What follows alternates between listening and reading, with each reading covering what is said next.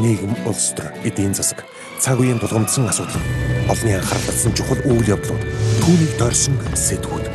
Бид чухал үйл явдлын эздийг тэмдэгч харин тэдний байр суурийг тодорхой мэддэг. Бидний үзэл санаа, үйл хэрэг та бидний амьдралд хэрхэн нөлөөлөх вэ? Энэ бүхнийг хар хайрцаг нөхцөлгөөс хар хайрцаг Оройн төргийн хар хайрцаг нэвтрүүлгийн шин дугаар эхэлж байна. Нийгмийн дундаж давхарга гэж юу вэ? Монгол улсын хөгжилд дундаж давхаргын ямар үүрэг гүйцэтгэдэг вэ? Баялагын болон орлогын тэгш хуваарлалт дундаж давхаргыг бэхжүүлэх үүргээ гүйцэтгэж чадаж байгаа юу зэрэг сэдвээр ерөнхий сайдын зөвлөх Монгол улсын их сургуулийн дэд профессор эдийн засагч төвшин төгсдөө ярилцуулно. Хар хайрцаг. За оройн төргийн бидний урилгыг хүлээн авч хүрэлцээрсэн явдалд баярлалаа. За танай хүрээлэнгээс Монголын дундаж давхаргын тухай судалгаа хийж байгаа гэсэн. Тэгэхээр энэ судалгааныхаа тухай манай үзэгчдэд танилцуулж өгөхгүй юу? За энэ дундаж давхар гэдэг бол та мэдж байгаа нийгмийн хувьд эдийн засгийн хувьд асар чухал асуудал байдаг. Энэ дундаж давхархыг томьёолох, энэ дундаж давхархын мөн чанарыг нь ойлгох асуудал бол асар чухал. Тийм учраас 2010 оноос хойш бид нэр энэ судалгааны сэдв гэдэг утгаар нь бол нэлээд бодож явж байгаад 2013 14 онд бол бид нэр бага багаар судалж эхлээд 16 онд бид нэр эхний судалгаа хийсэн. Тэр нь юу вэ гэхээр дундаж давхрын мөн чанарыг хамгийн эхлээд ойлгох. Өөрөөр хэлбэл дундаж давхрагт хамрагдж байгаа өрхүүд ямар ямар шин чанаруудтай юм гэдгийг бид нар судалсан байна. Өөрөөр хэлбэл тэр бол их энгийн арга л да. Бүр Монгол улсын өрхийг нийт 5 хуваагаал тэгээ дундлын хоёрыг нь аваад дундаж давхраг гэж зарлаад. Тэгээ бид нэр шин чанарыг өсч өөрөөр хэлбэл ямар нөхцөл байдалд амьдарч байна, ямар ажил хийж байна, хэдэн хүүхэдтэй байна, ирээдүйдээ ямар боловсралтай байна, ирээдүйдээ ямар ихтгэл төгсөл үнэмшилтэй байна те. Энэ асуудлуудаас нь бид нэр уулзгаалаад дундаж давхрыг томьёолох гэж оролдож байгаа. Дараагийн судалгаа нь бол одоо жинхэнэ хэдэн хувь бэ гэдгийг рүү чиглэж байгаа. Тэр нь бол одоо бидний одоо өнөөдрийн танилцуулах гэж байгаа. 17 оны судалгаан дээр үндэслээд Монгол улсын нийт төрхийн хэдэн хувь дундаж давхрагт хамрагдах вэ гэдэг асуудлыг хэдэн үе шаттай судалгаа юм бэ? Ер нь бол эхний үе шат нь хэдэ дууссан юм байна тийм үү? Тийм. Энэ бол хэд л бол хэд байж болно. Эхний үе шат нь бол зөвхөн мөн чанарыг нь ойлгоход хоёр дахь үе шат нь бол яг хэдэн хувь бэ гэдгийг тодорхойлох чиглэл. Хоёр дахь үе шатны одоо судалгааны дүн шинжилгээ хариулт гарцсан байгаа юу? Хараахан гараг байгаа юу? Тэгээ хоёр дахь үе шатны дүн шинжилгээний хариу нь бол гарцсан. Тэгэхээр бидний сонгож авсан аргачлалын дагуу бол Монгол улсын нийт төрхийн хаамын 59.7% нь дундаж давхар 60% нь дундаж давхар дамрагдаж байгаа гэж бид нар үзэж байгаа. За энэ 60% гэдэг бол хэр хэр хангалттай тоо вэ? А ер нь дэлхийн нийтэд дундаж давхарга нь эдийн засгийн үүднээс та өөр эдийн засгч хүн тийм ээ нийгмийн дундаж давхарга нь хэдэн хувьтай байх нь зүйтэй гэж үздэг юм бэ. Тийм стандарт мэдээж авь адилхан байх албагүй ах улс орон болгонд. Гэхдээ ерөнхийдөө магадгүй эдийн засгийн үүднээс байдаг юм уу, нийгмийн талаас байдаг юм уу, улс төрт болоо сонгуу энэ чинь дандаа сонгуул өгөх улсууд шүү дээ тийм ээ. А энэ бүхэнд нөлөөлөх байдлаасаа ер нь хэдэн хувь байвал хангамжтай гэж үздэг юм бэ. Тийм тоо мэдээж байхгүй. Та мэдж байгаа бүх юм хайрцангуй улс орны өөрийнх нь шин чанараас хамааруулаад улс орны дундаж давхрахад өөр өөр байх тийм ээ. Үүн дээр нэмээд тоосж байгаа аргачлалууд нь бас өөр өөр. Тэгэхээр бид нар судалгаанд өрөмлөх аргачлал, харьцангуй аргачлал гэдэг бүх аргачлалаа тооцсон байна. Тэгээ энэ аргачлалуудаас бид нар харж хамгийн одоо юу гэдгийг Монгол улсын өнөөгийн нөхцөл байдлыг явж ирсэн нөхцөл байдлыг зөв илэрхийлж байгаа тэр аргачлалыг сонгоход энэ судалгааны гол мөн чанар нь оршиж байгаа байхгүй. Тэгэхээр бид нар бол Pew Research гэдэг Америкт үндэстэнд байдаг судалгааны байгууллагын аргачлалыг аваад өөрөөр хэлбэл медиа орлогоос 65 65% тэгээ 250%-ийг тасалж аваад өрхүүдийг тэгээ энийг дундаж давхрах гэж зарлж байгаа байхгүй. Тэгэхээр бол аргачлал дээр өөр өөр байна улс орнууд. Дээрээс нэмээд улсуудын мөн чанарууд нь өөр өөр байна. Тэгвэл Монголын хувьд 60% гэдэг бол одоо хэр тоо юм бэ? Миний бодлоор зүгээр миний асууж байгаа бол юу гэхээр мэдээж улс орон болгонд өөр нь тодорхой. А гэхдээ дундаж давхаргын нийгэмд эзлэх байр суурь, за хүн амын тоон дотор эзлэх байр суурь бага байх тусмаа эн чинь нийгэмд нэг тийм тэгш бус байдал бий болох эргээд одоо тэр чин нийгмийн болоод улс төрийн олон зүйлд нэг жоохон сөрөг үр дагавар болох уу гэдэг үднээс асууж байгаа юм л да. Тийм учраас за дэлхийг харьцуулах юм боли а Монголын хувьд тэгвэл 60 59 гэдэг бол ер нь бол боломжийн тоо юу? Энэ бол мэдээж өргөн байх тусмаа сайн. 60-аас дээшгээ байх тусмаа сайн. Яагаад тэгэхээр хүн амын дийлэх олох чинь угаасаа дундаж тодорхойлцсоор. Дундаж давхар хизээч нийгмийн ямар ч нийгмийн цөөнх байж болохгүй. Тодорхойлсоор олох. А тэгэнгүүт хамгийн сонирхолтой асуулт бол одоо таны тавьсан асуултаас бол таалаа гарч иж байгаа зүйл юу вэ гэхээр энэ дундаж давхарыг тэлж гин үү агшиж гин үү гэдэг. Тэр бол хамгийн чухал асуулт. Тэгэхээр 60% тэлж байгаа 60% болчихоо эсвэл агшиж явж байгаа 60% болчихоо гэдэг асуудал байхгүй. Тэгэхээр бол бидний энэ тооцоолсон аргачлалаар бол Монгол улсын дундаж давхарыг бол жоохон тэлж яваад 60% дээр ирсэн. 50% бас 60 дээр ирсэн гэж үзэж байгаа. Цаашдаа тэлэхээр байна уу? Эсвэл одоо улам багасхаар байна уу? Одоо ер нь прогноз хийж болох уу? Болдго юм уу чи? Тэгээ энэ прогноз хийх мэдээж болно. Прогноз хийж мэдээж болно. Энэ бол дараачийн нөгөө 3 дахь шатны судалгаа гэж гарч ирэх юм бол судалгааны нэлээд сонирхолтой сэдв байх болно. Энэ дээр бол бид нар одоо маш олон зүйлийг судлах хэрэгтэй шүү дээ. Эдийн засгийн яаж өсөх юм? Эдийн засгийн өсөлт чинь хүн амд тэгш бус байдлаар хүн амын орлогот нөлөөлнө. Энэ тэгш бус байдал хэр их даамжирсан байдалтай байна. Хитрхи их нэг талдаа нөлөөлж ивэл дунж давхраа агшина. Тэр бол бидний хүсээд авах үр дүн биш. А хэрэгцээд уулуурхайн салбарт буюу бусад эдийн засгийн гол өвчин зүйлүүдийг зөв ашиглаж чадах юм бол хүн аманд илүү их чиглүүлж чадах юм бол дунаж давхрах тэл. Тэр бол бидний хүсэж байгаа зүйл. За энэ тухайн нэвтрүүлгийн дараагийн хэсэгт нэлээд илэрэнгүй ярих болно. Харин одоо яг дундаж давхрах гэдгийг та түрүүс нэлээд хэлсэн тодорхойлох арга аргачлал нэлээд олон янз байдаг гэд хэлсэн. А маш товчхон манай үзэгчдэд ойлгомжтойгоор дундаж давхрахыг хэрхэн тодорхойлох хэрэгтэй юм бэ? Бид юуг дундаж давхрах гэж нэрлэх хэрэгтэй юм бэ? Тэгээ яг энэ аргачлал талаас нь аваад зүйл энэ бас нэлээ олон төрлийн аргачлалууд байна. Тэгээ би өөрөө эдийн засгийн болохоор орлого дээр суурилсан аргачлал нь хүмүүст ойлгоход илүү их амарх юм болов. Дээрээс нь нөгөө манай улс чинь хитрхи их хэлбэл зэмтгий эдийн засаг учраас тэрэнд нь арай зөгцөж байгаа юм болов гэж үзээд байгаа. А түүнээс бол ерөнхийдөө бол аргачлалуудыг хоёр том хааж байгаа. Мэдээж өмнөлөхөө гэдэг нь бол өдөрт хичнээн долларын зарлага гаргаж байна. Эсвэл өдөрт хичнээн долларын орлого олж байна. Тэрүүгээр нь бид нар тооцож болно дундаж тавих. А тэр бол миний хувьд бол нэг хайхтар зүм юу өгөхгүй байгаа. Үр дүн өгөхгүй байгаа. Өөрөөр хэлбэл тэрэн дээр Монголын дундаж давхар бол хитрхи хагсан байдалтай харагдаад байгаа байхгүй. Тэгэхээр бидний судалгааны зорилго бол яг үүндээ бол аргачлалыг эхний цэгийг нь хатгаад дараа нь хамгийн сонирхолтой хэсэг нь буюу тэлж гинөө агч гинөө гэдгийг л бид үзхийг сонирхож байгаа. Түүнээс биш аргачлаач ингэж ийм байдалтай сонгож байна. Түүнээс биш үнэмлэхээ аргачлаар сонгоод ах юм бол бид нар ерөөс зарим хэсэг нь огт хамрагдахгүйгээр үлдэх байхгүй. Одоо жишээлбэл тодорхой хэсэг гаргаж шít 2-оос 4 долларын орлогыг ядуу гэж юу дундаж давхраг гээд 4-өөс 10-ын дундчийн дээтэл гээд явах юм бол 10-аас 2 долларын хооронд те тэр байгаа хүмүүсийг дундаж яхаар энд хамрагдахгүй айгүй олон хүмүүс гадналт үлдчихэж байгаа байхгүй. Тэнгүүт чинь чинь нийгмийн нийт нийгмийнхаа одоо жишээл 20% дундаж давхрыг гараад ирвэл жоохон зөрчилтэй байхгүй ягаад тэгэхээр цөнх болчиход байгаа байхгүй. Тэгэхээр Монголын нийгмийн эдийн засгийн хүмүүсийн аж амьдралын онцлогийг харгалзан үзээд за энэ аргачлал дундаж давхаргыг тодорхойлох энэ аргачлал Монголд илүү зөв юм байна гэдгийг эхний ээлжинд тодорхойлох болоод ш. Та ярианы эхний хэсэгт бас хэлсэн ерөөдөө аргачлалаа сонгоцсон гэдэг. Харьцангуй ямар нэртэй аргачлал харьцангуй аргачлал. А энэ аргачлалаар одоо тогтооход тийм ээ ямар одоо шалгууруудыг гол болгодог юм бэ? а сарын орлого байдаг юм уу? А тэгвэл одоо монголчуудын дундад цалин хэд байгаа гэдгээр ингээд гаргаад ирэх юм уу? Энэ бол хэдийгээр аргачлал ингээд хэлэхэд аян амархан. Энэ бол бид нар орлогоор нь тодорхойлчихж байгаа байхгүй. Өөрөөр хэлбэл өрхийн орлого чинь зөвхөн цалингаас тогтохгүй шүү дээ. Өрхийн орлого чинь тэтгэвэр тэтгэмжтэй нөгөө хувийн бизнес, хөдөө байгаа мал бүх зүйлийг нь бид нар хувийн орлого гэж тооцоод тэгээ өрхүүдээ хувийн орлогыг тооцож гаргаж ирж байгаа. Магадгүй энэ судалгааны хамгийн тийм яригтай хэсэг нь өрхийн орлогыг тодорхойлоход байсан баг.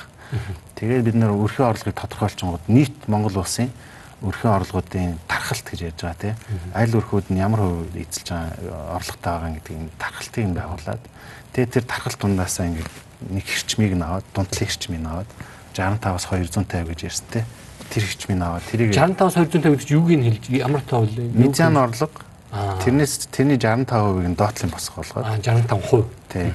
Медиан орлогоос 250% авсныг нь бид нэр дээдлийнх нь юу болгоод таазуулгаад энэ хоорондыг нь бид нар аваад медиан гэдэг нь голынх нь хэлж гинөө. Медиан гэдэг нь яг тийм ер нь голын юм ойлгож болно тий. Медиан гэдэг нь яг тодорхойлцоор 50 дахь перцентайл бүр. Яг дундлын үнийн орлого л доо. Тий. Тэгэхээр бол үндсэндээ бол орлогоо орлогын ингэж бүх хүмүүсийн орлогоор нь жагсааж агаад дундлын хэсгийг нь аваад бид нар дундаж давхар. Хэр бодтой үр дүн гарч чадж байгаа вэ? Ягаад тэгэхээр би ч бас энэ өрхийн орлого зарлагын маягийн судалгаанд олон жилийн өмнөөс амрагдаад оролцож исэн. Зарим айлууд бол бас янз бүрийн татвар элдвэж шалтгаанаар орлогоо хилдэггүй. За Монголын хувьд бол янз бүрийн татвар төлдгүү гэх юм уу бас улсад бүртгэгддэггүй олон гар дээрээс гэх юм уу янз бүрийн одоо орлого явагддаг шүү дээ. Тэгэхээр энийг бүрэн тооцоолж гаргаж ирэх ер нь хэр үнэтэй вэ гэж асуух гэдэг. Тэгээ энэ дата бол хаанаас гарч ирж байгаа гэж асууж байна. Энэ бол нөгөө өрхийн нийгмийн эдийн засгийн судалгааны дата. Энэ бол аль бие осоор үндэсний статистикийн хороо одоо сүүлийн 2 жил тутам хийж байгаа. Нийт 11 мянган өрхий хамардаг. Яг хамралт нь бол өөр өөр байдаг. Тэгтээ бол хамгийн сүүлчийн 17 оных бол 18 мянган гаруй өрхийг хамарсан. Монгол улсыг төлөөлөх хүч чадвартай энэ төвөр судалгаанаас бид нар орлогын тархалтыг авч юу яаж байгаа гэсэн том томьёолж байгаа гэсэн. Нэгэнтээ ингээд орлогоор нь сарын орлогоор нь томьёолоо гараад ирэхээр энэ дотор чинь янз бүрийн хүмүүс багтана штэ. Малчин, дараачин одоо хуучин бол скет ингээд голдуу нэг дээд улстай улсуудаа ярьдаг гэсэн бол тэр бол биш байна штэ. Энэ донд таврах гэдэг чинь. Тэгэхээр яг энэ дээрээс ингээд үзэхэд одоо дотор нь англи зүйлчилдэг юм уу, орлого олж байгаагаар юм уу, бодлого боловсруулаар юм уу, одоо жахан задлаад ярил.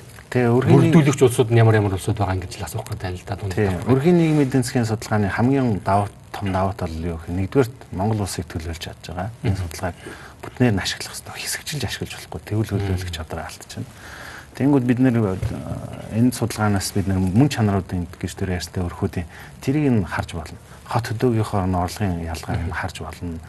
Ямар орон сууцнд амьдарч байна, гэр оролд амьдарч байна эсвэл байшинтай байна уу гэдгийг нь ярьж болно. Өрхийн тэргүүний боловсруулаар нь бид нэр ярьж болно. Өрхийн хүн өрхөнд хідэн хүн амтай юм хідэн хүнтэй юм гэдгээр нь бид нар шин чанаруудыг харж иж болно. Тэгээ ерөнхийдөө санаа нь юу гэхээр одоо шилбэл ядуу бүлэгтэйгээ дунаж давхрыг харьцуулах юм бол өрхийн өрхийн гişүүдийн тоон арай цөөхөн. Одоо шил 3.3 байгаа нэг хүүхэд илүү жоохон хүүхэдтэй л байдаг ахна ш томчаар. А тэгтээ баян орлогын бүлэгтэй харьцуулбал илүү их олон гişүүдтэй. Баян өрхүүд нь болохоор бүр зөвхөн хүүхдтэй гэж юу? Нэг нэг хүүхэд эсвэл багтай байгаа байхгүй юу? А тэгээд боловсрлоор нь аваад үзвэл мэдээж баян бүлэгтэйгээ харьцуулах юм бол дээд боловсралтай өрхийн өрхийн өрхийн нөгөө толгойлогч дээд боловсралтайх нь арай бага. А ядуугаас арай их. Гэхдээ энэ нөгөө дундс давхрах дээр нэг анзаарч байгаа зүйл нь юу гэхээр техникум гэж хурцсан боловсрал ярьж байгаа шүү дээ. Техник мэрэгжлийн боловсралтай эсвэл дээд боловсралтай байх нь айгүй түг юм л байгаад байгаа байхгүй. Тэгэхээр бид нэр энэ шин чанаруудыг ингээд хараад байх боломжтой. Монголчууд бид ер нь дундаж давхаргаа за ялангуяа 90 оноос хойш судалсан, тодорхойлсон судалгаанууд хийсэн юм уу? Өмнөх танараас өмнө хийцэн байсан уугүй юу? Хэр хангалттай судалгаа байдгийг Тэгээ одоо яг нөгөө баруунд ашигладаг middle class буюу дундаж давхраг гэдэг томьёолоор Монголд бол үндсэндээ энэ хоёр судалгааг оруулаад дахиад нэг судалгаагаа дахиад бас нэг дөрөвдөх судалгаа ба. Ер нь бол их цөөхөн хийгдэж байгаа. Яагаад тэгэхээр өмнө нь бол нөгөө анги гэдэг үзлээс гарсан ойлголт байна шүү дээ тий. Сэхэтэй анги, малчин анги гэсэн. Тэрнээс бид нэг шал өөр ойлголт ярьж байгаа шүү. Дундаж давхраг гэдэг. Магадгүй Монгол үг нь хэцүү юм шиг байгаа. Дундаж давхраг гэхээр нийгмийн анги ярихгүй Зүгээр тэр дунд байгаа тий давхаргыг ярьж байгаа гэдэг утгаараа англи дээр класс гэдэг чинь анги байхгүй.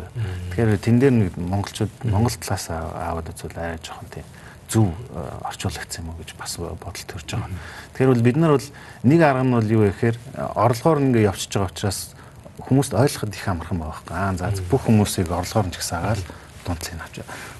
Дундаж давхаргыг тодорхойлох, судлан үзэх бид нар мэддэг байх яагаад чухал юм бэ гэдгийг нэг хэлээд өгөхгүй. Тэгээ энэ дээр бол э, маш олон шалтгаан байна. Нийгмийн шалтгаанууд байна, эдийн засгийн шалтгаанууд шалтгаанууд байна. Даж тэгээд гурав дахь нь улс төрийн талаас нь ингээ юм гурван чиглэлээр хоёлаа аваад үзье. Нийгмийн талаас аваад үзвэл энэ бол хамгийн тогтвортой байна. Төхөр давхар байдаг. Өөрөөр хэлбэл ажил орлоготой хадгалдаг. Аа тэгээд ер нь бол нийгэмд олонх гэдэг учраас нийгмийн дуу хоолой болж явж байдаг. Энэ давхар байхгүй эдийн засгийн талаас аваад үзвэл нөгөөх бизнес хийдэг хамгийн их нөгөө толгоогоо уралдуулдаг хадгаламж хийдэг хамгийн их орлогыг нь олж байдаг. Тэгээд айгүйх олон салбаруудад ажил эрхэлж идэг. Энэ давхрах чинь дундаж давхрах одоо биш бид нар ч өндөр орлоготой хүмүүс гэж бодоод байгаа боловч үгүй. Яг нөгөө бизнес хийгээд ундаг босдог бүх энэ юу чинь дундаж давхрахаар дамжиж байгаа. А улс төрөөсөө аваад үзэх юм бол энэ дундаж давхраг өндөр байх өргөн байх тусам нөгөө холбромтгой чанар нь бага болт. Уус төр нэг нэг өнцгөөс нөгөө рүү огцом шилждэг тэр шилжилт бол арай бага. Нийгмийн ус ус төр сонголт нь харьцмаг тогтвортой байдаг. Тэгэхээр аль аль талаас нь аваад энэ дундаж давхраг бол одоо нөгөө анкер гэж ярьдаг те энэ нь нийгмийн зангуу, эдийн засгийн зангуу болж өгдөг энэ давхраг. Тийм учраас энэ талыг бид нэр аюу их судалж явах хэрэгтэй. Хинбэ гэдгийг мэдчих хэрэгтэй. Дээрэс нь энэ давхрыг бид идэвхжүүлж явах хэрэгтэй гэж би хойдоо бодоод байгаа байхгүй. Бусад улс орнуудтай одоо магадгүй хүн амд нь эзлэх хувь гэдэг үүднээс нь харьцуулж хэлж болох уу? Жишээ нь одоо магадгүй хаанах байдаг, Япон байдаг юм уу? Дундаж давхарх нь тэд нэр өөрсдийнхоороо одоо хэмждэг, шалгадаг байх тийм ээ. Тэгвэл хүн амын хэдэн хувийн дундаж давхарх байдаг гэдэг ч юм уу? Одоо Англид байдаг ч юм уу? Ийм нэг харьцуулсан тоо хэлэх боломж байна. Тийм харьцуулсан тоонууд бол бүгдээр судалгаан дээр гарцсан байгаа. А тэгэхээр энэ дээр нэг сонирхолтой сэдв. Яагаад энэ сэдв судалгааны сэдв болсон бэ гэхээр нийлээ хэдэн жилийн өмнө Америкийн баримтад нэвтрүүлэг гарсан. Тэр нь юу гэхээр Америк нэгдсэн улс дахь дундаж давхрах яагаад ингэж ямар мөн чанартай болж байна гэдэг нэвтрүүлэг гарахгүй. Тэгэхээр санаа нь юу гэхээр сүүлийн 20 жил Америкийн дундаж цалин доктортой болсон. Гэдэг чинь social нийгэм social mobility гэж яриад байгаа. Нийгэм дотор ярьдаг бага орлоготойгоос өндөрлөө дунд шуу дундаас дээшээ явдаг. Тэр нийгэм доторх гарч байгаа хөдөлгөөнүүд их зогсонгүй байдалд орсон. Өөрөөр хэлбэл чи ажилтаа ажлаас илүү өөр ажил руу орох магадлал маш бага болоод ирж байгаа. Орлого тэгш хуваарлалт ингээд ихсээд ирэнгүүт хүмүүс дунджаараа орлоготой байгаа мөртлөө яг ингээд нөгөө түрүүний ярьсан тархалтын аауд зүйл ингээд хоёр тишээ яваад байгаа байхгүй. Ядуу аяг их болоод, баян аяг их болоод тэнгуү чинь нөгөө дундаж давхрах чинь ингээд агшаад ирж штэ. Тэнгуү ч одоо бид нар нөгөө тэр улс төрийн ингээд өөрчлөлттэй. Тэгэхээр улс орнуудын одоо шил Америкт 75% байна, Монгол 60% байна гэвэл харьцуулж ерөөс болохгүй. Аа за за. Тэгэхээр би би одоо энэ дээр хувь өгчих юм бол төөрөдөл бий болох ч учраас энийг ерөөсөө ер нь ярихгүй байсан дээр. Ягаад тэгэхээр та одоо Монгол улсын дундаж давхрагт хамрагдах өрх гэр оролд амьдарч байгаа. Гэр оролд амьдарч байгаа. Баггүй хувь. Бараг тал нь гэр оролд амьдарч байгаа. Эсвэл тусдаа байшинтай ч гэсэн тэр чинь гэр оролд тооцогтой авчих. Тэр Монголын хэмжүүрээр тийм байхад Америк хэмжүүрээр энэ бол дундаж давхрагт орохгүй Тэгэхээр энэ энэ дээр улс орнуудын харьцуулахад их хүндрэлтэй. А гол зүйл нөгөө цаг хугацааны хувьд харьцуулж болно. Монгол улс дотроо өргөжж гинэ агшиж гинэ гэдэг. Тийм учраас энийг их онцлоод байгаа шүү. Гэхдээ ер нь бол та бас ярианыхаа ихний хэсэгт хэлсэн дундаж давхаргын эзлэх хувь өндөр байх тусмаа нийгэм доктортой байдал үүснэ гэж хэлээд байгаа шүү дээ. Өнөөдрийн Монголын улс төрд эдийн засагч гэсэн ялгаагүй докторгүй байдал юм уу савлгаа гэж хэлдэг нэлээд байгаад байдаг. Аль нэг тийшээ туулшрах гэж байдаг юм. Энэ нь бол манай дундаж давхраага магадгүй бих бат бөх биш байгаатай холбоотой юу? Тий. Энэ дээр бол нэг том шалтгаан энэ мөн. Бид нар одоо ярьж дунд 60% гэдэг дундаж давхраг. Тэр чин дотор нөгөө аюу олон зэрэгэлтэй байгаа шүү дээ, тийм ээ. Тэгээд эндээс магадгүй бид нэр хамгийн их сонирхож байгаас нь тэр дундаж давхрахын нөгөө ядуугийн тэр шугамтай ойрхон тэр нэг эрсдэлтэй бүлэг байгаа шүү дээ. Тэр бүлэг бол асар чухал. Яг тэгэхээр өнөөдөр эдийн засаг 7-аас 8% өсөж байгаа учраас тэд нар дундаж давхрагтай багтаж байгаа. Нэг томоохон шок ороод ирвэл тэр эмзэг гэдэг байгаа бүлэг чинь доошо ядуур руугаа ороод ирж байгаа байхгүй.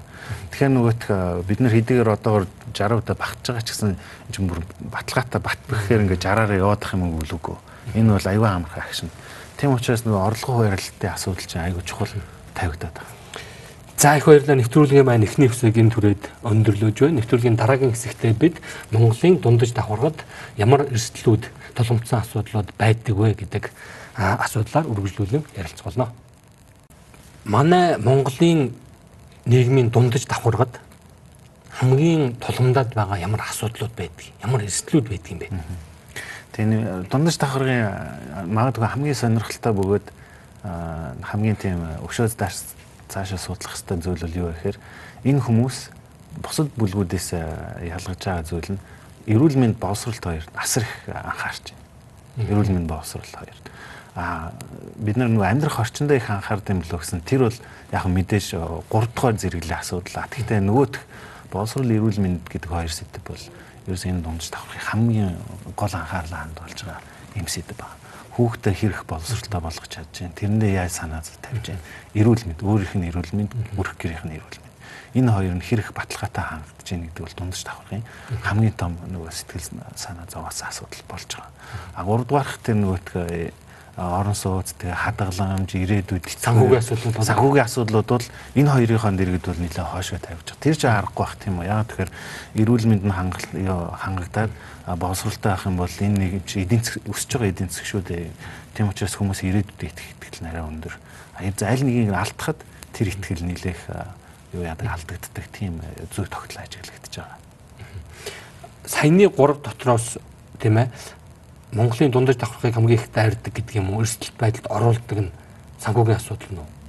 Тэгээ юу яг юун дээрээ бол мэдээ санхүүгийн асуудал нэлээд нөлөөтэй. Яагаад тэгэхээр одоо жишээлбэл манай улс чинь уул уурхай салбарт дагнсан эдийн засаг шүү дээ. Нийт дотоодын бүтээгдэхүүний 20 орчим хүн уул уурхай салбараас ирдэг. Аа шууд бусаа тооцох юм бол бид нар бол бидний дотоодын тооцоололоор 30 орчим хувь гэдэг. Тэгэхээр нийт 10 төгрөгийн үйлдвэрлэхэд 3 нь уул уурхайгаас орж ирж байгаа байхгүй. Уул уурхай чинь нөгөө шин чанар нь ажлын барих гаргадаг салбар байхгүй. Өөрөөр хэлбэл цөөхөн ажиллах хүчин хэрэгэлдэг. Тэгэхээр чинь нөгөө ямар нийгмийн нэг уулархай салбараас орж байгаа орлогыг өрх гэрүүд рүү аваачдаг тийм механизм байх хэрэгтэй шүү дээ. Тэрийг бид нар татвараар хийж тэтгэврээр хийж тэтгэмжээр хийж янз бүрийн аргаар хийж шít. А тийнгүүт өрх гэрүүд рүү яаж очиж гин гэдэг чинь нөгөө том асуудал. Хэвзээ энэ салбарууд ажил эрхэлж байгаа. Тэр нь найдвартай биш байх юм бол энэ өрх гэрд айгүй том асуудал болж байгаа. Тэрээс энэ нөгөө төвөр судалгаануудаас харахад ажлын байрны доктортой байдал өөр санхүүгийн доктортой байдал бол энэ өрх гэрүүдийн нэлээд том анхаарч байгаа асуудал байдаг угаасаа. Тэгээ нөгөө хамгийн наадлын засгийн жишээ гэхэд том том төслүүд зогсоход аа 5 7 ч байна уу 2 7 ч байна уу бусад дүүхүүс эрдэнэч байна уу аль ч том төслүүд зогсоход тэрийг дагс нөгөө татвар орлого энэ төр зогсчихж байгаа учраас өрх гэрүүд рүү очиж тусч байгаа нь аюу хүнд байдаг байхгүй. Тийм учраас ийм бид нэр өрх гэрүүдийг дан гаднаас дангаар нь судлах биш нийт юмар том зургаар нь харж орлого хаанаас өрх гэрүүд рүү яаж хуваарлагдж байна гэдгийг бид харах хэрэгтэй байгаа байхгүй. Нэг ийм яриа гадуур байгаад байдаг. Ядуур л 29 илүү 8 хувьтай байгаад байдаг. 29.6 илүү. Тэгээд дээр нь байгаа чинь одоо дундаж давхарга нь. Тэр дундаж давхарга таач руу бас яриандаа хэлж ирсэн эдийн засгийн тодорхой одоо юу гэдгийг хямрал болвол саяхан болж өнгөрлөө. Одоо жаахан өсөлт үзүүлж байна. Гэхдээ хямрал тэндээс тодорхой хувь нь наад 29.6% руу унж ирчих гэдэг шүү дээ тийм үү? Аа ингэж унж ирэх магадлал гэх юм уу эрсдэл ер нь хэр их байна вэ Монголд? Тэгээ ийм эрсдэл бол байгаа. А 29 28% таа хамгийн сүүлийн тоогоор ядуурлын хувь. А 28 нь хэд болохын гэдэг бол бид нар бол хэлж чадахгүй, тоо хуваар хэлж чадахгүй. Өөрөөр хэлбэл тэр чинь тусдаа судалгааны систем болчиход байгаа байхгүй юу? А ер нь бол эрсдэл маш өндөр. Тэрүүний ярьсан одоо том төслөө зогсох эсвэл ган зүд боллоо гэхэд бид энийг бол тохиолдог зүйлүүд шүү дээ. Боллоо гэхэд нөгөөх эдийн засгийн нөгөө орчинчин муудчихж байгаа учраас хүмүүсийн ажлын байр нь баталгаатай биш болоод орлогоо алдаад орлогоо алдаад ирэх юм бол хүмүүс юу энэ ядуурл руу угаасаа ундаг. Энэ 59 орны хэдэн хувь гэж хэлсэн шүү дээ дөрөв. Энэ дотроос дотор нь эрсдэл эрсдэлт бүлгэн тэдэн хувь гэдэг тоо гаргах боломж байдаг юм болов. Өөрөөр хэлбэл эдийн засгийн ямар нэгэн хямрал болоход тэндээс доошоо унж ирэх магадлалтай нь тэдгсэн тийм тоо судалгаагаар гарч ирэх боломжтой. Тийм боломж л байгаа. Тэр нь бол нөгөө тусдаа судалгааны сэдв өөрөө яагаад гэдгээ яах хэвээр тайлбарлаад тэгээд энэ хувийг бид нар эмзэг гэж томьёолж байна гэдэг тэр судалгааны сэдв байна. Дундаж давхраг дотроо байгаа эмзэг бүлэг шүү дээ магадгүй та нар одоо танаас судалгаа бас яг бүрэн тоо гаргаагүй байж болох. Гэхдээ багцаа энэ төр юм байж болдго юм бол үзэгчид одоо эдний 50% юм уу 20% юм уу гэсэн ерөнхий нэг дундаж бид нар нөгөөх орлого тархалтай харах юм бол бид нар нөгөө медианыг яг голын хүн тэгээд доошоо 65 гэдэг байгаа шүү дээ. Тэгэхээр медиан 65% нь доторх хүмүүс бол ер нь бол э, эмзэг талтай. Яагаад тэгэхээр яг нөгөө 50 дахь хамгийн дундлын үнийг нь бид нэр төлөөлж аваад тэрнээсээ 65 гэдэг аваад байгаа шүү дээ. Тэгэхээр хэд орчим хувь нь гэцсэхгүйгүй.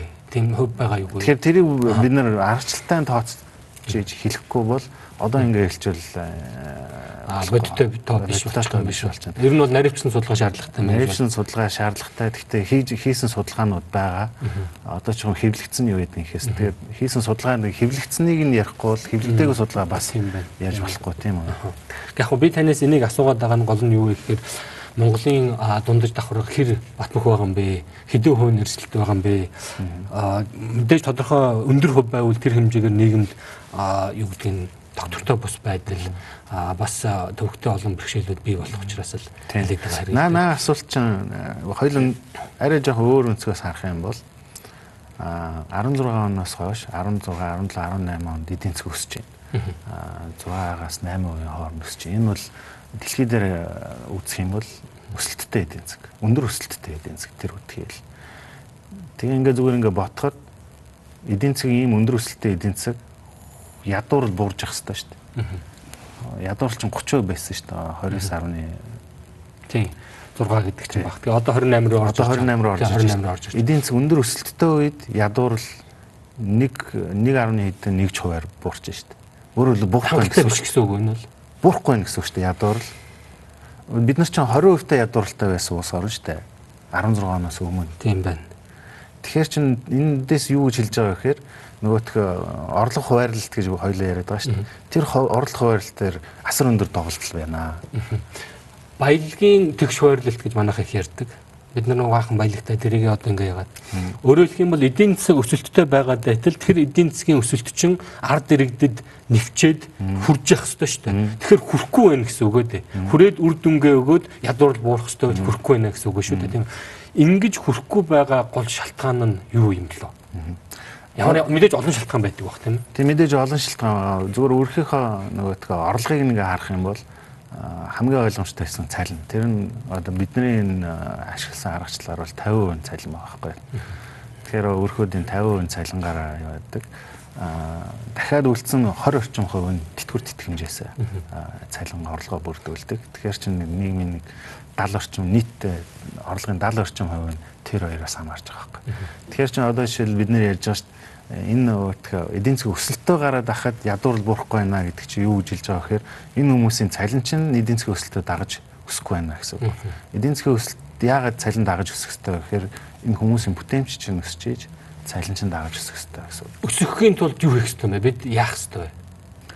А юм ямар алдаа дутагдал ямар асуудал байгаа учраас эдийн засгийн өсөд байхад одоо юу гэдгийг зүгээр одоо миний бодлоор бол ядуурл буухгүй гэн баялагын тэгш бус хуваарлалт гэдээ хэлчүүл буруу юу? Ер нь бол тэрлүү түлхээд байгаа. Гэхдээ нөгөө бид нар нэр таймыг ашиглахдаа бид нар жоон болгоомжтой ашиглах хэрэгтэй. Одоо танаас салбарын хүмүүс би бас танаас салбарын хүмүүс баялагын хойрол гэж ивэл бид нар бол жоон юу яаж иж магадгүй. Бидний хамгийн ашигладаг юу бол орлогын хойролт. Орлого хойролт гэж орлого хойролт гэж ярих зүйтэй юм байна тийм. Тэгэхээр бол тэр талаас орлого хойролт гэдэг тогтцоо тэгээ цаашаа явхад эдийн засгийн өсөлт яагаад иргэдийн юун дээр орлого дээр тэгж айхтар нөлөөлөхгүй байх вэ гэхээр эдийн засгийн өсөлтийг дагаад хүмүүсийн явах хэрэгтэй шүү дээ. Тэгээ тэр өсөлт нь хангахдахгүй байхгүй. Тэр өсөлтийг хангахын тулд татварын нэлээд наривчлсан шатлсан тогтолцоо хэрэгтэй гэсэн үг болч таарах. Өөрөөр хэлбэл орлого өндөртэй ашиг олж байгаа компаниуд илүү өндөр ашиг өндөр татвар төлөх шаардлагатай болох гээд байна да. Тэгжиж тэр татвараар ер нь зохицуулагч нь татвар байдаг уу? Үгүй зохицуулагч нь татвар байх албагүй. Цалин дээр бол. Цалин зах зээлийн өөрийнх нь зарчмаар нөгөө дээрлэлт нийлүүлэлтээр нэгэн бүтээмжтэй салбар бол тэр нь өндөр цалинтай. Бүтээмж муутай салбар бол бага цалинтай. Угаасаа тэгж явна. А гэтэл манай эдийн засгийн чинь нөгөө дуул уурхай эдийн засгийн онцлогтой эдийн засаг. Уул уурхай эдийн засгийн угаасаа төрөлхийн шин чанар нь юу гэхээр бүр байдаг цаатлаас өгөгдсөн шин чанар нь юу гэхээр зүгээр ингээ бодоход уул уурхай чинь хөдөлмөр хэрэгэлдэггүй салбар. Юу хэрэгэлдэг вэ гэхээр капитал хэрэгэлдэг Өндөр өндөр үнэтэй тоног төхөөрөмж, өндөр өндөр үнэтэй технологи хэрэгэлдэг. Тэнгүүт өндөр тэд нар чинь нөгөө аюу хөрөнгө оруулалт авдана. Тэгэхээр нэг хүний бүтээмж аюу өндөр байна гэсэн үг шүү дээ. Аюу нөгөө техник хэрэгслээ ажилуулж байгаа учраас тийм учраас цалин өндөр байдаг уулуурхайн салбарын цалин. А гэтэл бусад салбарыг аваад үзье л да. Одоо өөр салбар багш гэлээ. Тэгэхээр нэг уулуурхайтайгаа харьцуулахад бага цалинтай авах бүтээмжээс хамааралтай энэ байд Монголын эдийн засгийн нөгөө ганц тулгуурт гэж хэлдэг тийм ээ. Энэ эдийн засгийн онцлогоос нь аваад үзвэл Монголд дундаж давхарга нь багасах аа тэгээ баян ядуугийн зөрөө ихсэх хандлага харагдаад байна да. Тэгэхээр энэ баян ядуугийн зөрөө ихсээд байгаа явдал энэ ганц тулгуурт уул уурхайн эдийн засгийн онцлогоос хамаарч ийн гэж би таны ярианаас ойлгоод байна л да. Тийм. Би бол дотроо би гэдэг нэг судалгааны ажлыг хийгээд хэвлүүлчихээг байгаа учраас Гэхдээ надад мэдэрэж байгаа зүйл бол угаасаа юм. Яагаад тэгэхээр түр ярьсан те уул уурхай чинь хөдөлмөр бий болгодог салбар биш учраас тодорхой цөөн тооны хүмүүс уул уурхайгаас жинхэнэ шууд ашиг нь хүртэж байгаа. Гэтэл нөгөө талдаа ажилгүй хүмүүс байна, бүтээмж багтаа салбарт ажилладаг хүмүүс байна. Өөрөөр хэлбэл уул уурхай салбарыг дагаад цалингийн өсөлтөд авах боломжгүй. Тэгэхээр энэ хоёр ч хүссэн үсээг ингээд хоёр хоёр тийш яваад байна шүү дээ. Өөрөөр хэлэх юм бол одоо ингээд магадгүй үзэгч ч гэсэн би ч тэгж бодоод байна л да. Энэ тохиолдолд шууд уул уурхагаас авдаг нөгөө амнат сая бол бүр тэгэлчлээ шүү дээ. Тэрийг өндөрсөх ёстой юм шиг л сонсогдоод байна л да. Аа шүү автоматар бид нар тэгж ойлгож болохгүй. Ягаад гэхээр нөгөө уул уурхайн салбар чи өөрийг нь дэмжижхийн тулд тэр чинь нөгөө тодорхой зохиг төвшөнд байх хэрэгтэй шүү дээ өндөр тавьчих юм бол нөгөө хайгуулын хөрөнгө оруулалтууд байхгүй болчихно, ашиглалтын хөрөнгө оруулалтууд байхгүй болчихно. Тэр чинь маш ослтой. Эдийн засгийн бүр нийтээр нь сөхрөх асуудал. Тэгэхээр тэн дээр бол мэдээж баланс хэрэгтэй. Жишээ нь тэр жил 2006 үл 7 онд а 68% дотор гарч ирсэн шүү дээ. Энэ бол одоо тухайн үедээ бол олон улсын компанид хүндрэл авчирч байсан. Гэхдээ агуулга нь бол саяны агуулгаар нэмсэн хэрэг бол тарч гинүү. Өөрөөр хэлэх юм бол уул уурхайн орлогыг баялагын хуваарлалт маягийн зүйлийг тэгшилтгэх ч юм уу ядуурлыг бууруулах зорилгоор хийсэн ажил бол таарах уу. Гэхдээ өндөрчгцэн өндөр тавьсан байж магадгүй зөв миний бодлоор бол 68% бол маш санамсаргүй бодлогын шийдэл. Тэгээд хүн болгон хэлдэг. Угаасаа ч тийм. Аа тэрний агуулга нь юу гэхээр эрдэнттэй холбоотой байсан. Даанч алтны салбар руу автоматар ороод ирсэн. Тэгээ алтны салбарыг үндсэндээ нөгөө хууль бус бид нар юу гэдэг далд эдийн засаг руу шилж үүсэн. Тэгэхээр тийм ч учраас 20 тонн үйлдвэрлэдэг эдийн засаг 2 тонн тонн үйлдвэрлэдэг болсон. Монгол банкнд тушаасан шүү дээ. Тэгэхээр чинь бид нар бол тэр бол бодлогын маш муу жишээний нэг болж ирдэг. А гэхдээ ер нь бол агуулга нь бол муу юм байна шүү дээ тийм үү. Хит өндөр татвар тавьсан болохоос биш уул уурхаагаас орж ирж байгаа өсөлт үзүүлж байгаа тэр эдийн засгийг тодорхой хэмжээгээр татварын одоо зөв шүү дээ. Нөгөөдгөө татаж унгаах биш тийм ээ. А зөв татварын хуваарлалтаар эдийн засгийг доош нь хөгжүүлэх гэдэг шүү дээ тийм ээ. Санаа нь бол. А гэтэл за саяных бол 68% асуудал байлаа. Одоо саяхан болсон үйл явдал бол нөгөө амнаатай чинь тэгэлцсэн. Тэгэхээр эн чинь нэг жоохон савлгаа харагдаад байгаа байхгүй. Наад бол нэг бол 68 болгодог. Нэг бол амнаатын бүр тэгэлждэг. А яг тэгж харж болохгүй л дээ. Амнаат бол 68% бид нар гинтийн ашигын татвар. Тэр бол үнийн өсөлтөөс тэр бол өөр татвар. Амнаат бол байсаар байсан. Угаасаа ярьж байгаа орлого дээр нь тавьдаг татвар. Нийт орлого дээр нь тавьдаг татвар. Тэр бол угаасаа уул уурхайн салбар, уул уурхайн дамсаа орнууд түгээмэл хэрэглэгдэг татвар бий болгодог их усэр. Тэгэхээр амнат бол докторгүй бий болгосон нь бол сайн жишээ мөн. Одоо жишээлбэл нэг юунаас үл ойлголцлоос болоод тэр чигт нь юу ачиж хуульчид өөрсдөө энэ төр бас санал нэгдэхгүй байгаа шүү дээ. Яг юу тэг болгоцсон уу гэж зарим нь үгүй гэж зарим нь тэг болгоцсон гэж. Тэгээс хамгийн сүүлчийн тэр нөгөө нэмэлт өөрчлөлтөөр одоо зэгцэрлээ. А тэгвэл энэ энэ бол нөгөө хөрөнгө оруулагчийг үргээж байгаа л юм зохисгүй юм болсон гэж би бол дотор харж байгаа. А тэр бол нэвчлэлт бол уул уурхайн салбартаа орно та та нөгөө баялагын хараал юм тийм үү. Галанд өвчнийг мэднэ. За цэвэр эдийн засгаас харуул галанд өвчнийг шин чанарахгүй юм чи. Юу гэхээр нөгөө галанд өвчин чи яадаг гэхээр уул уурхай дагнсан эдийн засаг эдийн засаг нөсөөд байхад нөгөө тэр улсын нөөц нь одоо хөдөлмөр капитал бүх нөөц нь уул уурхайн салбар руугаа л яваад байдаг. Бусад салбараар дэмждэггүй. Яагаад тэгэхээр нөгөө тх өндөр цалинтай болчингууд хүмүүс импортын бараа авчдаг байхгүй. Дотоод үн тэнгуү чинь нөгөө өрсөлдөх чадвар нь буураад тэрүүгээрээ дагаад эдийн засгийн айхтар дэмждэггүй. Голланд өвчнөө давсан ч гэсэн баялагын хараал гэж юм байна. Баялагын хараал нь юу гэхээр засаглалтай илүү холбоотой тийм асуудал. Монголд бол хоёр хоёр өвчин хоёлаа ингээд нөлөөтэй харагдаж байгаа. Энэ хоёрыг давлаач гэсэн Ботсванагийн жишээ байна. Ботсвана бол юу гэхээр Монгол шиг уулуурхаа дангасан орон засаглал нь их сайн эдийн нь их сайн явж байгаа. Гэхдээ төрөлжилт байхгүй. Эдийн засгийн төрөлжилт байхгүй гэдэг чинь нөгөө эдийн засгаа олон салбараар хөгжүүлж чадахгүй шүү дээ. Дэлхийн эдийн засаг төр өрсөлдөх чадвартай биш шүү дээ. Тэгэхээр бол айгүй олон юм орнуудыг ингээд бид нэр яаж байна. Эндээс хамгийн төгс гэдэг шийдэл угаасаа байхгүй. Гэхдээ төрөлхийн шин чанар тийм эдийн засгийн. Таны яриаг сонсоод байхад би түр нэг зүйлийг асаамаар болоод өрсө болж өгөхгүй байлаа л да.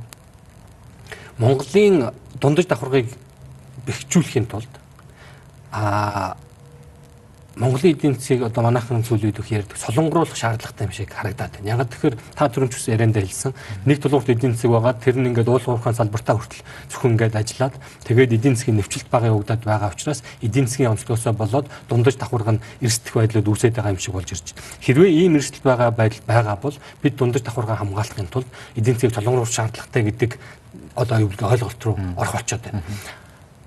Гэтэл бидэнд ийм солонгоруулах боломж хэрэг байдгийг энэ ер нь хэр зүв юм. Тийм энэ аюу их маш их яригддаг сэдв. Тэгээ одоо том том том төслүүд ч гэсэн хэрэгждэг. Дэлхийн банк, Азийн хөгжлийн банк. Одоо мал аж ахуйгаа түший гэдэг ч юм уу. Социализм үед тэгжсэн тийм. Аа би ингээд сүүлийн үед төрөлжилтөөр холбоотой 2 3 судалгаанууд дээр ажиллах нийгэм ажиглагдж байгаа нь юу гэхээр одоо нөгөө Бацванагийн жишээ байхгүй. Бүх юм сайн бүх юм болж байгаа. Яг юуны эрүүл мэндийн асуудал байгаа нөгөөтгөө юу гэдгэлээ юуны AIDS их дэлгэрцэн ороо учраас тийм асуудал байгаа. Гэхдээ ерөнхийдөө бол маш сайн солонгоруулж чадахгүй байгаа даа. Тэгэхээр санаа нь юу гэхээр ингээд эдийн засгийг төрөлжүүлэх чинь өөрөө яагаад заавалчгүй бодлогын зорилго байх хэрэгтэй. Төрөлжүүлэхгүйгээр төрөлжүүлэх гэхээсээ илүү энэ уул уурхаагаар түшсэн, уул уурхааг улам дэмтсэн ийм салбарууд яа хөгжүүлж болохгүй. Монголд нөгөөх Харвард их сургуулийн дэргэд нөгөөх өрсөлдөх чадрын төв байдаг. Тэрнээс хийсэн судалгааны гол үр дүн бол ер нь бол энэ штэ. Солонгоруулах хэцүү, юу төрөлжүүлэх хэцүү. Хийж чадах юм бол одоо Австралийн жишээ байна. Бид нарт зөвлөмж өгч ирсэн шүү. Тэрний өгөхээр Австралиуд бол уул уурхайд өгдөг үйлчлэгээний салбар нь аяг өрсөлдөх чадвар өндөртэй. Янз бүрийн консалтенси хийдэг те хайгуулын технологиг нэвтрүүлдэг улс оронд очиж дагалдах сал дагалдах салбар. Гэхдээ уул уурхаага. Тэгээ Монголын Монголын жишээний орсон байдаг ш тэр судалгаанд юу гэхээр нөгөө агаараас тамдан судалгаа яадаг хайгуулын. Тэгээ тэр зөв нэг л жишээ л дээ. Гэхдээ яагаад ийм төрлийн салбарууд руу орчлохгүй. Заавалчгүй яагаад хайцангуу давуу талгүй мөртлөө өөр салбарыг дэмжих юм бол энэ ч нөгөөх үр ашиггүй зарцуул зарлага байж болох магадлал өндөртэй байхгүй. Хийсвэрээр хийсвэрээр цаасан дээр үр ашигтайгаа гараад идэг. Яг хийхээр ч амьдрал байна шүү дээ. Та бол Монголын эдийн засгийг хөгжүүлэхийн тулд Монгол улс байгаа хамгийн том нөөц болцоогоо ашиглаа гэж хэлэх гээд шүү дээ. Тэрийгэ түш, тэрийгэ солонгоруул гэсэн үг байна дээ. Миний сүүл бодогдоод байгаа санаа бол юу нь вэ? Төрөлжилтгээ янгот хүмүүс хитрхийх тууширч магадгүй байна. Өөрөөр хэлбэл үр ашиг нь батлагдаагүй, нотлогдоогүй зүйл рүү хитрхи хөрөнгө оруулалт хийгээд аль аль талдаа хувийн секторч тал тэр төвийн төрч тэр ингээд үр ашиггүй зарлага өндөр гарч магадгүй. Тийм учраас харьцангуй даваа тал нь уул уурхай. Энийг төрсөн эдийн засгтай байна гэдэг бид нар хүлээн зөвшөөрөх хэрэгтэй. Энийг харин татврынхаа системээр дамжуулаад нөгөө ард нийтэд ард иргэдэг яадаг ард иргэдэг дэмждэг, орлогыг нь дэмждэг тэр салбарууд руу чиглүүлэх хэрэгтэй. Дээрээс нь нөгөө хоёлоо ярьсан шүү дээ. Уулуурхайн салбар өсөд байвал төсөв дээр төсөв дээр аюул том орлого их өсөр болдог те. Тэнгүү ч дунд давхрыг хүсэж байгаа юм эрүүл мэнд богсрол байгаас. Хувийн секторээс юм өсөхгүй шүү дээ. Энд чинь гол хангаж байгаа газар чинь төр шүү дээ. Тэгэхээр энэ хоёрын зарлагыг үр ашигтай байлгаач гэдэг чинь нөгөө том зургаараа энэ талд нь арт түмэн тийм өсөж байна. Энэ талд нь боломж нь уулуурхайн салбар бий болгож байна. Уулуурхайн салбарыг улам хөгжүүл давуу талын илүү сайн ашиглаж чадах юм бол ард иргэдийг хүсэж байгаа эрүүл мэнд боловсролын салбар нь хангагдаж байгаа юм биш үү. Иймэрхүү байдалтай л төр зураг харагдаж байгаа. А түүнээс биш бодлогоор дундаж давхрыг дэмжинэ гэсэн ойлголт байхгүй. Нийгмийн олонхыг олонход зориулсан бодлого гэдэг чинь л одоо бидний нөгөө улс төр сонгуулаар нөгөө хүмүүс бодлого боловсруулагч гаргаж ирж байгаа тогтолцоо чинь тийм шүү дээ. Олонход чиглэг.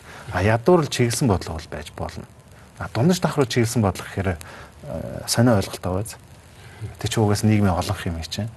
Тэгэхээр бол э, дэмжих гэж байгаа илүү бат бэх болох гэж байгаа бол богсрол эрүүл мэндэд бол өөр ашигтай хөрөнгө оруулалт хийх хэрэгтэй. Орлогыг нь дээшлүүлэх шаардлагатай байгаа байлгүй бол дундаж давхрах нь.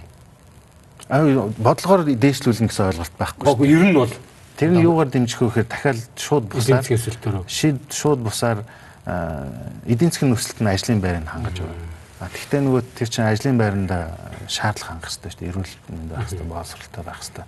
Тэгэхээр энэ чинь нөгөө зөвхөн нэг талаас нь хараад нэг мэлчгээр нөгөө тал нь орхигдчих гээд байгааз Тэгэхээр ингээд бүтнээр нь харж явахгүй бол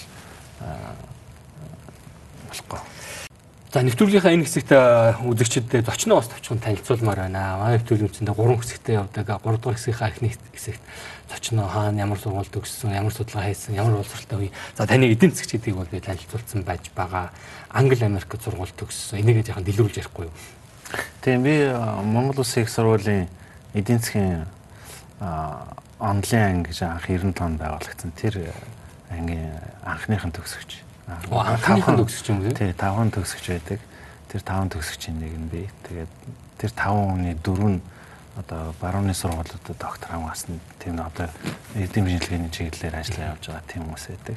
Тэгээ тэрний нэг тэгээ бид дөрөв бол улс орнуудаар ингээд магистр докторийн зэрэг хамгаалсан. Миний хувьд бол Англид Манчестер их сургуульд нөгөө нийтийн нийгэм хүрээлэнгээр явдаг байсан шүү дээ бид чинь. Тэр үед. Тий, тэр үед бол Манчестер их сургууль, нийтийн нийгэм тэгээ Британий засгийн газрын хамтарсан scholarship гэж ярьдэн шүү дээ. Тэтгэлэг хөтөлбөрөөр магистрийн зэрэг хамгаалсан Манчестер их сургуультай.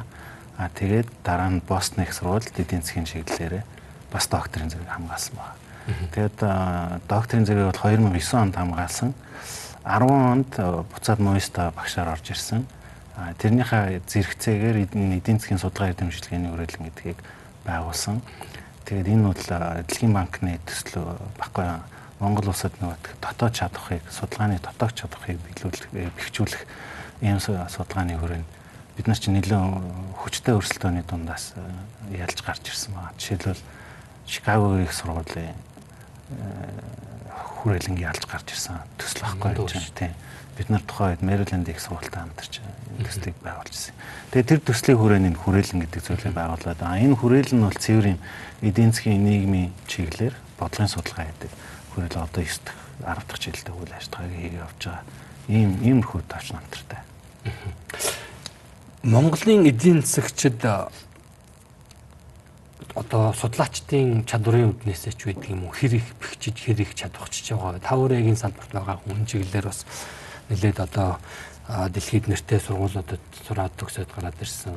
Монголын эдийн засгийн судлалын салбар нь хэр хөгжиж байна вэ? Тэгээ эдийн засгийн ухааны чиглэлээр э, одоо мэдээж манай улсын цөм нь бол Монгол Улсын их сургууль дээр эдийн засгийн техникээр байгаа.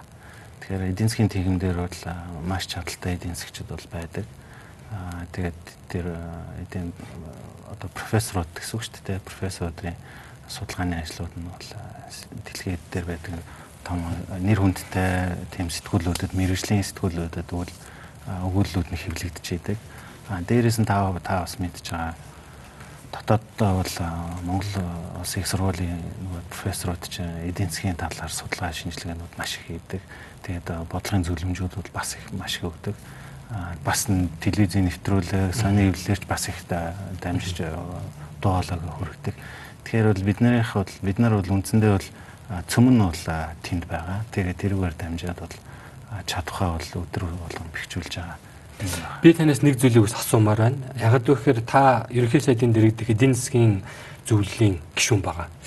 Манайхан энэ судлаачдынхаа судалгааны үр дүнг авч ашиглаад бодит амьдралд а бодлого шийдвэртээ хэрэгжүүлэхэд нэг жаахан хойрог байдгийг болов гэдэг нэг юм хардталт гэх юм уу гомдлч гэх юм уу байгаад байдаг. Эдийн засгийн хувьд хэр энэ одоо үнэн бодиттой гомдол юм бэ? Та нар яг судалгаагаа хийгээд байдаг. Бичээд хэвлүүлээд тавьчихдаг. Гэтэл бодит амьдрал дээр хэрэгждэггүй. Тэгээ яг ийм шүүмжил нэлээд дэлгэрэнгүй байдаг. Нэлээд тархацсан. Тэгээд үнний хувь бол байгаа. Аа яг миний хувьд ярих юм бол манай хүрээлэнгийн хувьд ярих юм бол бид нар бол ихвчлэн олон улсын байгууллагуудтай судалгаа шинжилгээ хийж байгаа. Тэгээд олон улсын байгууллагуудын холбоотой судалгаа шинжилгээ гэхээр одоо шил хамгийн сүүлд JICA гэж Японы хамт ажиллагааны байгууллагатай хамтраад компаниуд боондоо яаж гаргаж байна, ямар хүндрэл байна, энийг шийдэх арга зам нь юу юм гэ тэ. А ийм ийм төрлийн судалгаанууд бол бодлогот шууд тусах нь бол арай төхөмтэй байдаг. А зөвхөн өөр өөрөө бодлогын шинжилгээгээд явах юм бол бодлого бодлогон дээр тусах тэр нөлөөлөл нь арай бага болж ирдэг. Тийм нэг юу байгаа шүү. Жишээ нь өнөөдрийн нэвтрүүлэгт өнөөдрийн дугаартаа та бүхэн монголчууд Монголын нийгэмдэх дундаж давхаргын асуудлыг ярьсан. За энэ дундаж давхаргын хэр бат бөх байлгахтай холбогдуулан Монголын эдийн засгийн онцлогийг за орлогын хуваарлалт гэдэг та хэлсэн. Би баялагын гэж хэлэх гээд. Тэгэхээр энэ судалгааны үр дүн жишээ нь одоо юу гэдгийг хэр бодтойгоор үр дүнгээ өгөх боломжтой юм бэ? Энэ судалгааны үр дүн олон нийтэд таниулах улс төрчид энийг авч хэрглэж бодлого шийдвэр магадгүй тодорхой хэмжээний хууль энэ төр юм журам гаргах хэрэгтэй байдаг юм уу? Шаардлагатай юу? Ингэх боломжтой юу? эргэлтэнд оруулах гэдэг шүү дээ. Тий. Хүмүүс энийг нилээх ярьдیں۔ Судалгаа хийгээл ах хийгээл ах юм. Яг бодлого дээр тусч байгаа юм байгаа мó. Гэхдээ та мэдж бас судалгаанууд ч дотроо олон төрөл. Зарим нь бол таниулан мэдүүлэх чиглэлийн судалгаанууд байна.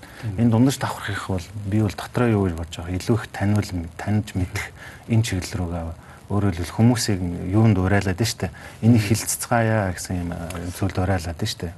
Мэдүүлэх бодлогын судалгаа гэж бас байна. Өөрөөр хэлбэл бодлогод шууд ингүүл яасан гэсэн бодлогын санал зөвлөмж өгдөг. Ийм судалгаанууд бол бас их хийгддэг. Тэрэн дотроо аваад үзэхэд бид нар бие даасан хийсэн судалгаа байна. Хамтын байгууллага гадаад байгууллагатай хамтарч хийсэн байна.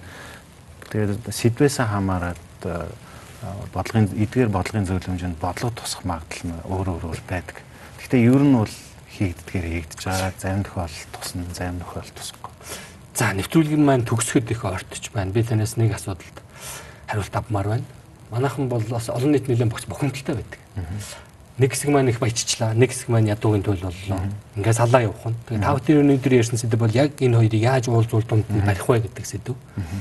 Энэ тухай зарим нь бол наад 100 гэр үйлчлүү 50 гэр үйлчлүү 30 хүн баялагын хураа барьж хойр гэдэг ингээд энэ нэг юм ярьдаг.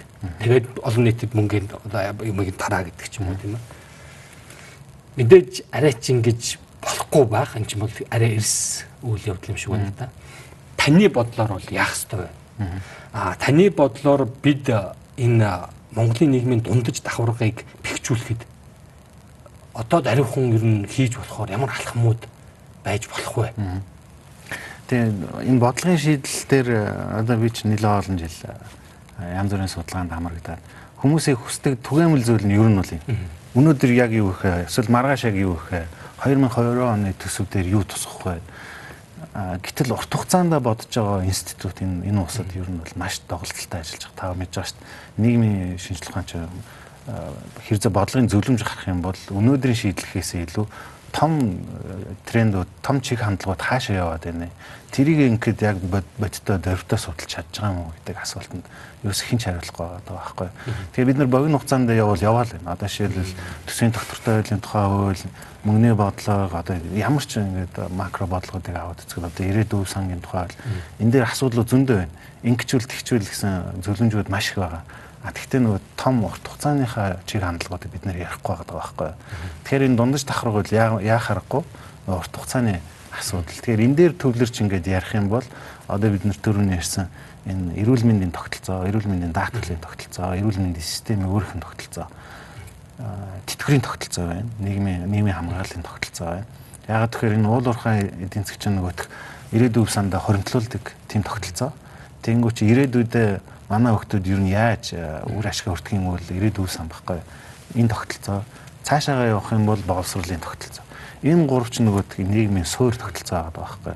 Энэ гурвыг бид нэр ингээд яг төлөвшүүлж чадсан юм бодлогыг нь доктортой авч явж чадж байгаа юм уу гэдэг асуудал эргээд бидний хувьд хамгийн чухал асуудал. Түүнээс богино хугацаагаа хараад яваад зөндөө асуудал байгаа. Зөндөө асуудал байгаа. Аль ч зах зээл дээр байгаа. Бид нэг тоо гаргаж ирчээд 30 ч юм уу 50 ч юм уу гэр бүлийг жагсаачаад нөгөө дүлээ үзэн ядаа тэдэн лүгөө дайраад байгаа штэ.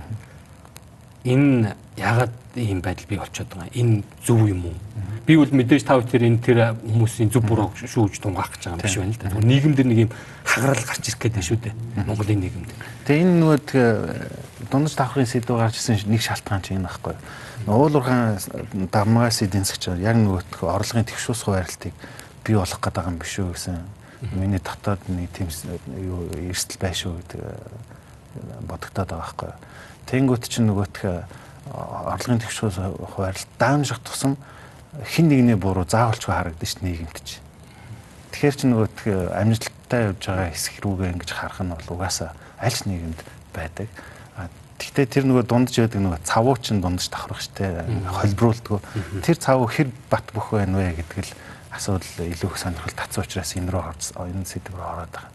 Аа улс орнууд яагаад доктортой ингэ хөгжөөд байна гэвэл дундж давхрах нь айгүй бат их. Тэр яагаад бат их те ажлын байр нь тогтмол тодорхой эрсдэл эрсдэл багтай эдийн засаг нийгэм амьдарч байгаа тохиолдолд нөгөө дундч давхрах чинь бариад байдаг. Нийгэмд ямар ч хүнийг олж болно шүү дээ. Галзуу солиотой ямар ч хүн олж болно. Юу ч ярьж болно. Эн чинь хэн чиглүүлж байгааг бол энэ нөгөө нийгмийн олон болоод байгаа хэсэг чинь чиглүүлж байгаа байхгүй юу? За маш их баярлалаа. Та төгсгөлд нь харин яг оноод их тодорхой хэлчих шиг боллоо. Өнөөдрийн Монголын нийгэмд үүсч болзошгүй хоёр ангид багч гэдэг шүү дээ. Ядуу баян гэсэн. Арайч тэхгүй байх. Энэ хоёрыг нийлүүлдэг цавуу нь бол дундаж давхраг юм аа. Тийм учраас та бүхний өнөөдөр хийж байгаа энэ Монголын нийгмийн дундаж давхрахын судалгаа бол үр дүнтэй ач холбогдолтой судалгаа юм аа.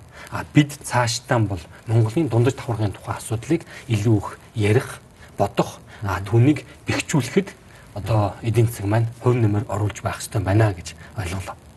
Баярлалаа. Зөв ойлгосон байна. За их баярлалаа. Ингээд өнөөдрийн дугаар маань энэ түрээд өндөрлөж байна. Та бүхэн сайхан амраараа үзэгчтэй.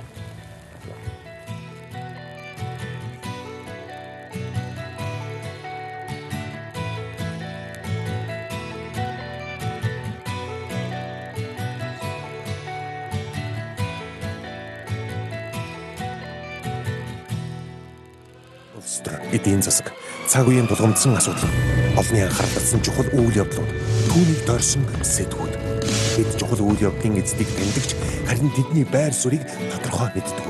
Бидний үзэл санаа, үйл хэрэг та бидний амьдралд хэрхэн нөлөөлөх вэ? Энэ бүхнийг хар хайрцаг нөлөөлөхөөс хар хайрцаг